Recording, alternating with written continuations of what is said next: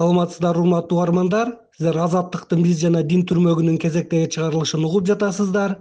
Бүгүн биздин суроолорго дин иштери боюнча мамлекеттик комиссиянын түштүк аймактык бөлүмүнүн башчысы ысакбай мырзабеков жооп берет. Берүүнү мен канатбек мырзахалилов алып барамын. Биз жана дин. Биз жана дин ысакбай камалович учурдагы кыргызстандын түштүк аймагындагы диний кырдаалды кандай мүнөздөйсүз ал өлкөбүздүн башка аймактарындагы диний абал менен эмнеси менен өзгөчөлөнөт? Абдан жакшы суроо. Азыр э, кыргызстандын ош баткен жалал абад областтарында жана ош шаарында расмий түрдө иштеп жаткан диний уюмдардын айланасындагы кырдаал негизинен туруктуу. Тынч сакталууда арасында өз ара мамилелер урмат сый кызматташуу бар да. Бирок ошол эле учурда диний кырдаалга терс таасир тийгизген айрым тенденциялар факторлор кечелүү чараларды көрүүнү талап кылган көрүнүштөр да жок эмес. Ал кандай тенденциялар аларга социалдык тармактардагы радикалдашууну жаатташууну бирин бири акаарат кылууну экстремисттик жана террористтик уюмдардын ишмердүүлүгүнө тартуу көрүнүштөрүн мисал катары келтирсек болот. Айрым адамдар э, динге берилген адамдар э, кыргызстандын мыйзамдарын сактабастан жума күнүн өздөрүнө дем алуу күнү кылып алышкан ошондуктан айрым элди тейлөөчү ишканалар автоону оңдоочу жайлар чач тарашканалар соода борборлору тейлөө пункттары жума күндөрү иштебей калып көпчүлүк э, атуулдарга ыңгайсыздыктарды жаратып атышат. Ошондой эле нике маселесинде да айрым көйгөйлөр бар. Кээ бир жабык калктуу пункттарда э, өздөрүн диний деп эсептеген үй бүлөлөрдө жашыруун түрдө кыздарын э, эрте эле турмушка берип жиберүү фактылары бар айрым фактылар аныкталып кылмыш иштери козголгон. Ал кыздар да өздөрүнүн укуктарын билбегендиктен ата энесине каршы чыга албастан айласыз турмушка чыгышат да кийин турмушта болгон ар түрдүү көйгөйлөрдүн айынан ажырашуудан же бир жака арыздануудан тартынышат. Көбүнчө мындай никелер кыргызстан мыйзамдарына дал келбегендиктен загс органдарында катталбай калышат да. Мурдатан эле өлкөнүн түштүк аймагында ислам дининин таасири чоң экендиги маалым кыргызстандагы эки миң беш жүздөн ашуун мечит намазкана медреселердин жетимиш пайыздан ашууну түштүк жергесинде жайгашкан. Ошол эле учурда аймакта башка христиан багытына тиешелүү болгон диний уюмдар дагы бар. Диндер аралык ымала сабырдуулук жергиликтүү райондук облустук деңгээлде кандай сакталып жатат? Ооба туура айтасыз э, ош баткен жалал абад облустарында жана ош шаарында республиканын башка облустарына салыштырмалуу диний уюмдардын жана окуу жайлардын саны бир нече эсеге көп азыркы учурда ош баткен жалал абад областтарында жана ош шаарында баардыгы болуп эки миң үч жүз жетимиш тогуз диний уюмдар жана окуу жайлар иштеп атат.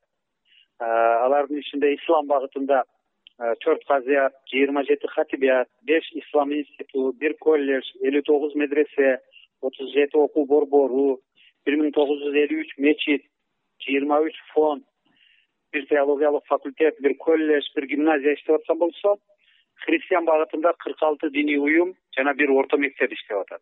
Бахай багытында төрт уюм жакабанын күбөлөрүнүн бир уюму жана эки филиал иштеп расмий түрдө каттоодон өтүп иштеп атышат да. Ошол эле учурда каттоодон өтө элек дагы эки жүз кырк диний уюмдар бар. Тактап эки миң он бешинчи жылдан бери ушул мониторингдин э, натыйжасында он эки мыйзамсыз фактыны жана каттоодон өтпөй иштеп аткан тогуз жүз токсон сегиз диний уюмду аныктадык. Диний уюмдардын ишин мыйзамдаштыруу э, боюнча э, диний уюмдардын эки жүз он эки жетекчисине жазуу түрүндөгү эскертүүлөрдү сунуштарды бердик.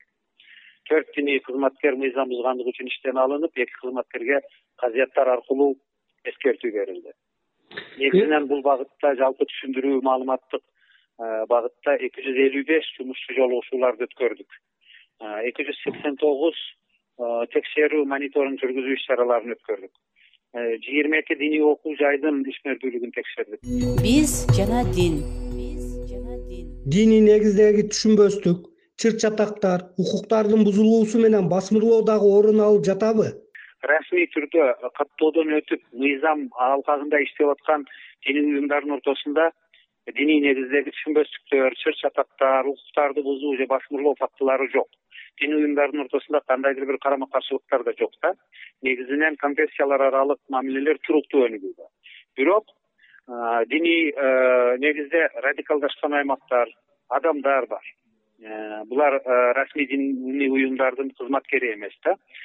Булардын негизги себептери ишмердүүлүгүнө тыюу салынган экстремисттик жана террористтик уюмдардын өзгөчө ушмал диний экстремисттик уюмдардын активдүү мүчөлөрүнүн көп экендиги жаштардын калктын арасында диний светтик жана укуктук жактан сабатсыздыктын кеңири жайылуусу себеп болуп атат да. Ушул диний жана укуктук сабатсыздыктын айынан мыйзамдарды билбестиктен светтик деген түшүнүктү да дин тутунгандар да өзүн светтикмин деп эсептеген адамдар да туура эмес түшүнгөндүктөн айрым кайчы пикирлер жаралууда сакбай камалович эми сөзүңүзгө улайда тыюу салынган экстремисттик террористтик уюмдардын ишмердүүлүгүнүн өсүү же басаңдоо тенденциясы канчалык?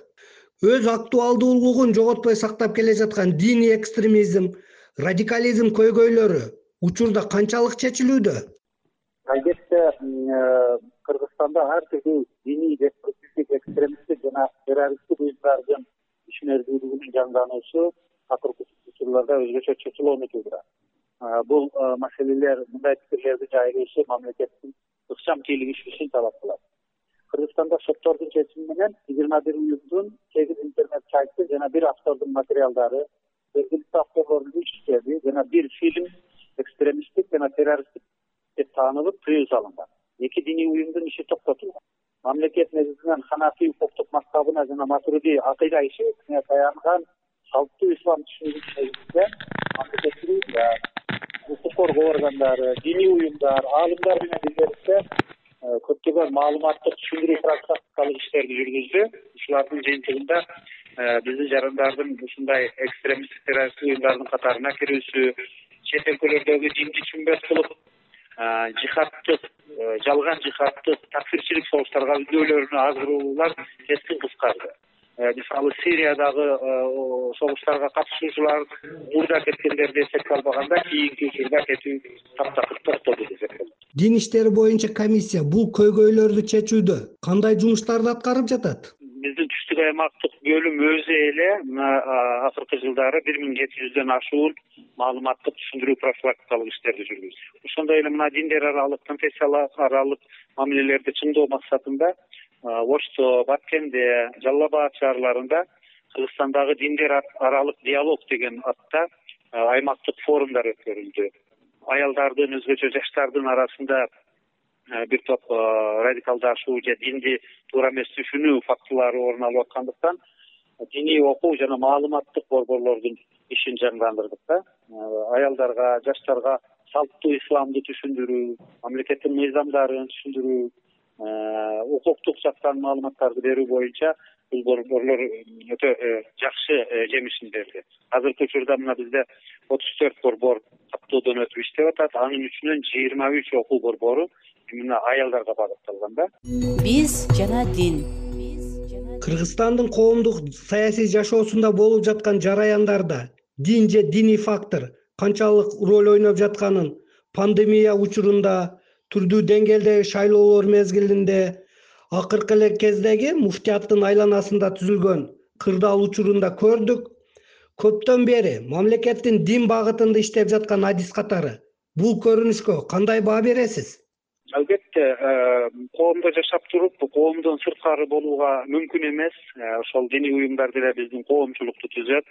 Э, жанагындай оор шарттарда табигый кырсыктарда кандайдыр бир проблемалар жаралганда буларда диний уюмдар өзү чоң салымын кошуп келатышат. Ушул пандемия учурунда деле диний уюмдар Э, калктын аярлуу катмарына көп жардамдарды беришти ооруп калгандарга көп жардамдарды беришти мечит медреселерди жанагы ооруканага айландырып э, пайдаланууга уруксат беришти э, көптөгөн гуманитардык жардамдарды беришти.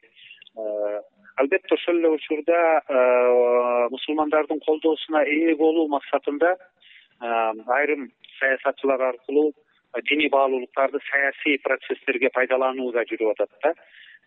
Мына кээ бир шайлоо учурларында диний риторикалар менен чыгышат андан кийин диний объекттерди курууга диний уюмдардын иш чараларына активдүү катышуу тенденциялары пайда болууда да кээде бир тараптуу диний чакырыктар лозунгтар менен чыгышууда башка тараптардын көз карашын сыйлабоо жалпы элди бир калыпка салууга аракет кылуу жакшылыкка алып барбайт. Ушуга байланыштуу динди саясатташтыруу коркунучу пайда болууда да. Ооба. Бул жерде диний толеранттуулук урмат сый маселелери исламда да чоң мааниге эмеспи демек дайыма ар бир адам ар бир саясатчы ушул кайсы бир саясий өңүттөгү иш чараларда кыргызстандын мыйзамдарын так сактоого милдеттүү. Даават маселесинде дагы бир топ кайчы пикирлер айтылууда да. Ооба азыркы учурда мына социалдык тармактарда даават токтотулат экен. Кайсы бир жетекчи же болбосо кайсы бир э, орган ушу дааватты токтотом деп атыптыр деген э, маалыматтар э, бул дааватты токтотууга жол койбош керек деген сунуштар айтылып калып атат да муну тынбай таратып атышат негизинен башында бул пикирлер негизсиз.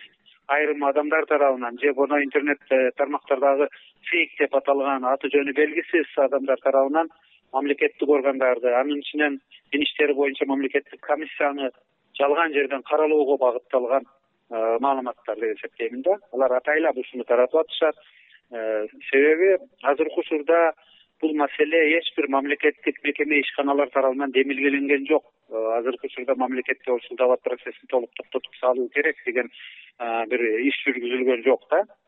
Муфтият менен дин иштери боюнча комиссиясы көп жылдардан бери дааватчылыкты токтотуу эмес аны иреттештирүү тартипке салуу боюнча бир топ иштерди жүргүзүшкөн бир эле түштүк чөлкөмүндө эмес өлкө боюнча диний абалды мындан ары ыраттуу улантуу мамлекет менен диндин ортосундагы мамилелерди жакшыртууга багытталган.